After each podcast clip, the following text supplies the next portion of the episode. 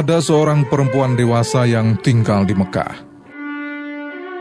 Warga mengenalnya sebagai sosok yang sopan, ramah, cantik, murah hati, dan kaya raya.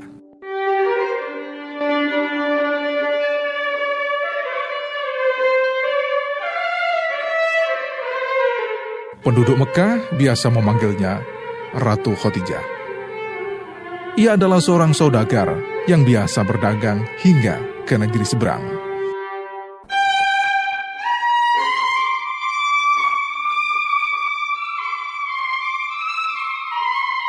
Suatu ketika, Khadijah membutuhkan seseorang untuk membawa barang dagangannya ke negeri Syam dan menjualnya di sana. Ia membutuhkan orang yang jujur, mampu bekerja keras, dan lebih dari itu, ia sangat membutuhkan orang yang bisa dipercaya. Sudah berhari-hari Khotijah mencari orang seperti itu, tapi belum ditemukan.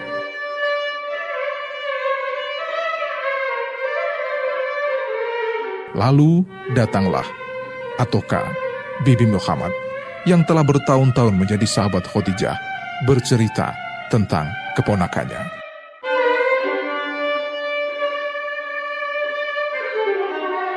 Khadijah, aku kenal seseorang yang bisa mengurus barang daganganmu dan menjualnya ke mana pun yang kau inginkan. Kau tidak akan pernah menemukan seseorang yang bisa dipercaya selain dirinya. Siapa dia? Orang itu adalah keponakanku sendiri. Muhammad namanya. Khadijah lalu mengutus seseorang untuk menemui Muhammad dan mengundang ke rumahnya. Perempuan itu ingin lebih mengenalnya karena sejatinya ia sangat ingin bertemu dengan pemuda yang sejak beberapa tahun terakhir menjadi pembicaraan warga Mekah. Itu semua karena kejujuran dan perilakunya yang tanpa celah.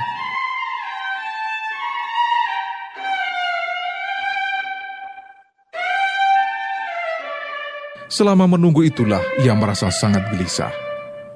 Khadijah lalu meminta kepada para pembantunya untuk membersihkan dan menata rumahnya. Ia ingin menyambut Muhammad dengan baik, bahkan istimewa.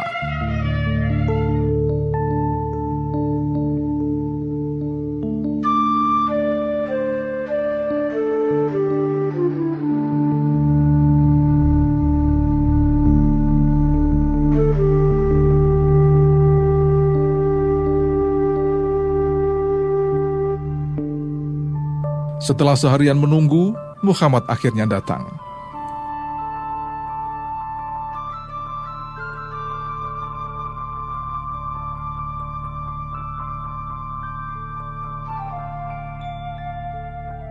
Begitu bertemu dan berbincang selama beberapa menit, kedewasaan dan kesantunan Muhammad langsung memikat hati Khadijah. Namun ia tetap menahan diri.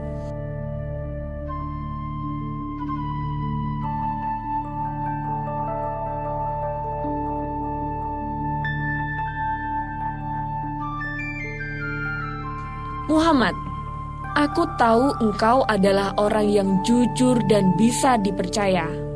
Saat ini, aku sedang membutuhkan seseorang yang bisa diandalkan untuk membawa dan menjual barang-barang daganganku ke negeri Sam. Kurasa kaulah orang yang paling tepat untuk melaksanakan hal itu. Jadi, aku menawarkan pekerjaan ini kepadamu.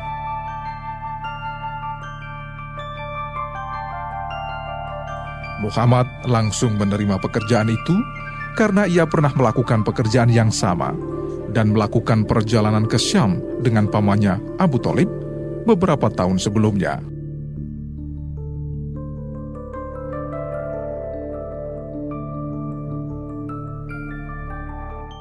Dalam perbincangan itulah, Khadijah sempat beberapa kali memperhatikan sorot mata Muhammad. Perempuan itu menemukan cahaya yang berbeda di matanya dan mendapati pancaran wajah yang sangat menawan. Kata-katanya juga diyakini berisi kejujuran. Khadijah yakin Muhammad bukan orang biasa. Segala yang ditemukan dan dirasakan saat bertemu Muhammad disimpannya baik-baik dalam lubuk hatinya. Khadijah tak mau mengungkapkan pada siapa pun. Ia memutuskan untuk melihat dengan sabar dan berpikir lebih jauh terhadap sosok Muhammad. Di sisi lain, ia kadang berpikir sambil menerawang dan tersenyum. Terlalu bagus jika apa yang diinginkan menjadi kenyataan.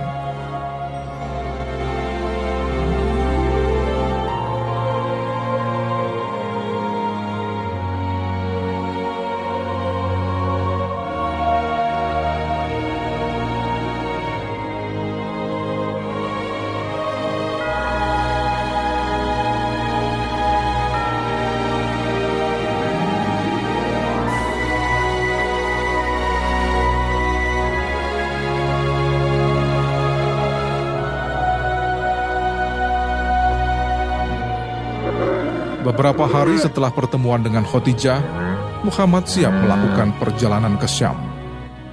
Beberapa ekor unta dibawanya untuk mengangkut bertumpuk-tumpuk barang dagangan. Sebelum rombongan kafilah berangkat, Khadijah meminta kepada budaknya Maisyaro menemani Muhammad.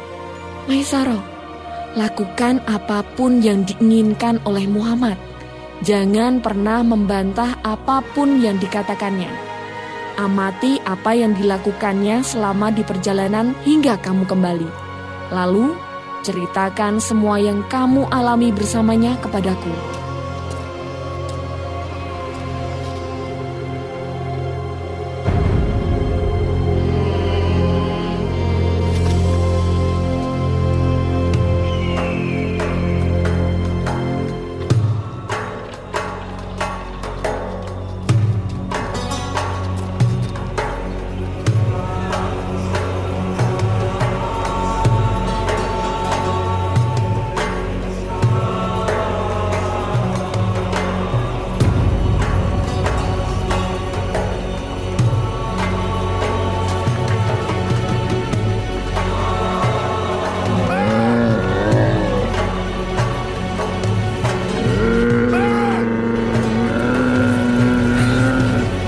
Muhammad dan rombongannya memilih berangkat dari Mekah sore hari saat matahari sudah agak condong ke barat. Dilaluinya perjalanan ke Syam melewati Wadil Huro, Madian, Diar Tamuk, serta daerah-daerah yang dulu pernah dilalui bersama pamannya Abu Talib saat umurnya baru belasan tahun.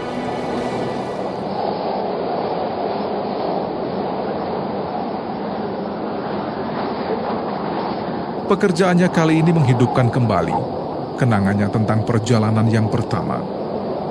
Hal itu menyebabkan Muhammad lebih banyak termenung, berpikir tentang segala yang pernah dilihat dan didengar sebelumnya, yakni tentang peribadatan dan kepercayaan-kepercayaan di Syam atau di pasar-pasar sekeliling Mekah.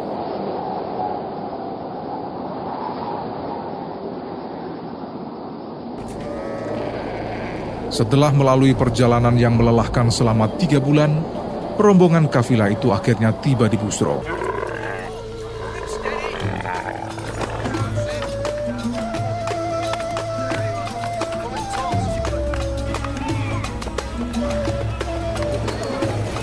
Di kota itu sedang berlangsung perayaan besar.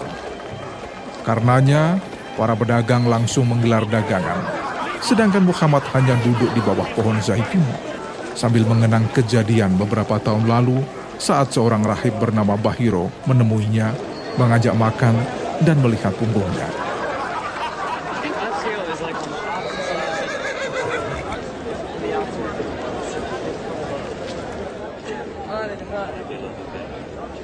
Tanpa sadar, Muhammad memandang ke arah jendela biaran. Saat itu dilihatnya seorang rahib, tapi bukan Bahiro. Rahib itu bernama Nasturo.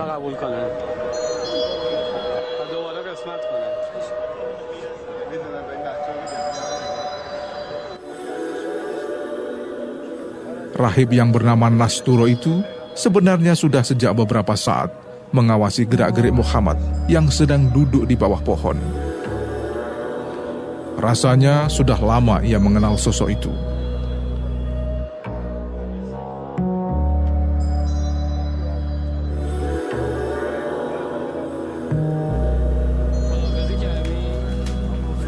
Akhirnya, Nasturo menghampiri Maisaro dan bertanya, Hei, anak muda, apakah kau mengenal orang yang duduk di bawah pohon itu? Ya, aku mengenalnya. Ya orang Mekah yang membawa dagangan ini. Ya berangkat bersamaku. Muhammad namanya. Kenapa? Tahukah kau? Ia seorang nabi.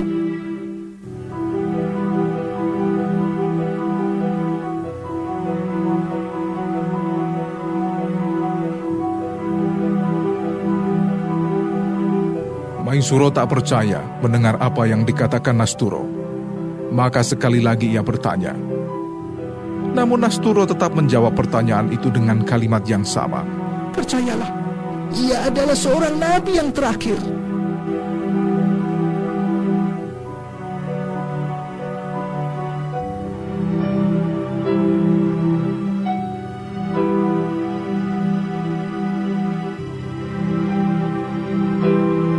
Setelah meyakinkan Maisaro, Nasturo lalu masuk kembali ke biaranya.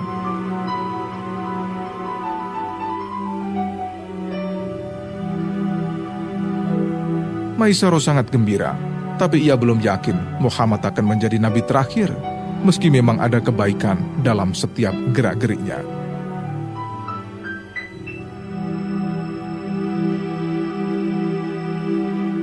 Rasa gembira yang menyeliputi Maisaro menyebabkan tubuhnya gemetar. Ia merasakan kegembiraan yang luar biasa, bisa dekat dengan orang yang disebut akan menjadi nabi terakhir, karena hal itu adalah sebuah rahasia besar.